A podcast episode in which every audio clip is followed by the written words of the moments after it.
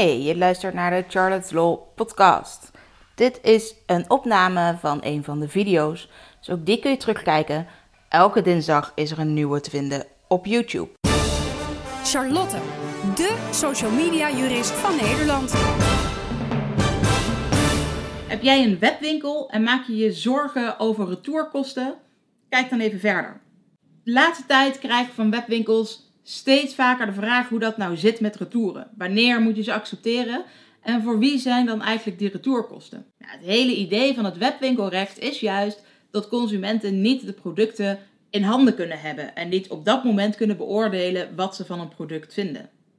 Ze hebben daarom het recht om producten op te laten sturen, daar 14 dagen over na te mogen denken, om vervolgens tegen een webwinkel te kunnen zeggen: hm, toch maar niet. Ongeacht de reden. Je mag als webwinkel eventueel wel vragen naar die reden, maar consumenten zijn nooit verplicht om die reden op te geven. Het kan dus ook gewoon zijn dat ze denken: oh weet je, ik had het geld niet, ik had het gewoon nooit moeten bestellen en ik stuur het nu weer terug. Het kan ook zijn dat ze denken: die kleur die valt me toch tegen, dit wordt hem niet. Eh, bij kleding, ja, gewoon de maat, zit het goed of niet? Als het toch niet prettig zit, dan sturen ze het weer terug. Consument, die heeft dus 14 dagen de tijd om daarover na te denken. Dan moeten ze het bij je melden binnen die 14 dagen. Vervolgens heeft de consument ook weer 14 dagen de tijd om het weer terug te sturen. Ook als het gaat om sale. Dus het is niet zo dat je een aparte regeling kunt maken omdat mensen korting hebben gekregen op een product, omdat het sale was, omdat het de laatste items waren, omdat het een showroom model was. Op het moment dat je gewoon een nieuw product verkoopt, ook als het bijvoorbeeld een, een ramsboek is, daar gelden de gewone retourregels voor. Er zijn wel wat uitzonderingen, daar zal ik een lijstje nog van publiceren um, in de blogpost. Maar dat gaat bijvoorbeeld over echt gepersonaliseerde producten, heel specifiek op maat gemaakte producten, um, kranten en tijdschriften, downloads, dat soort zaken. Maar voor de meeste producten gelden dus altijd dezelfde regels. Nou, voor wie zijn dan de kosten? De kosten voor de heenzending, nou, of dat heb je de consument uh, al laten betalen, of dat zat misschien al in de productprijs in.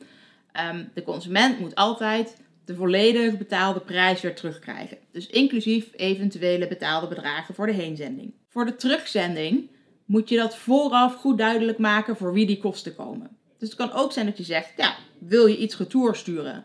Dan zijn die kosten altijd voor de consument. Dat moet de consument alleen wel vooraf weten.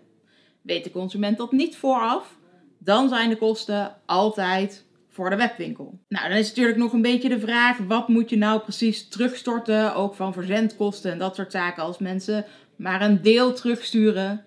Nou ja, eh, ook dat moet je eigenlijk even goed van tevoren aangeven.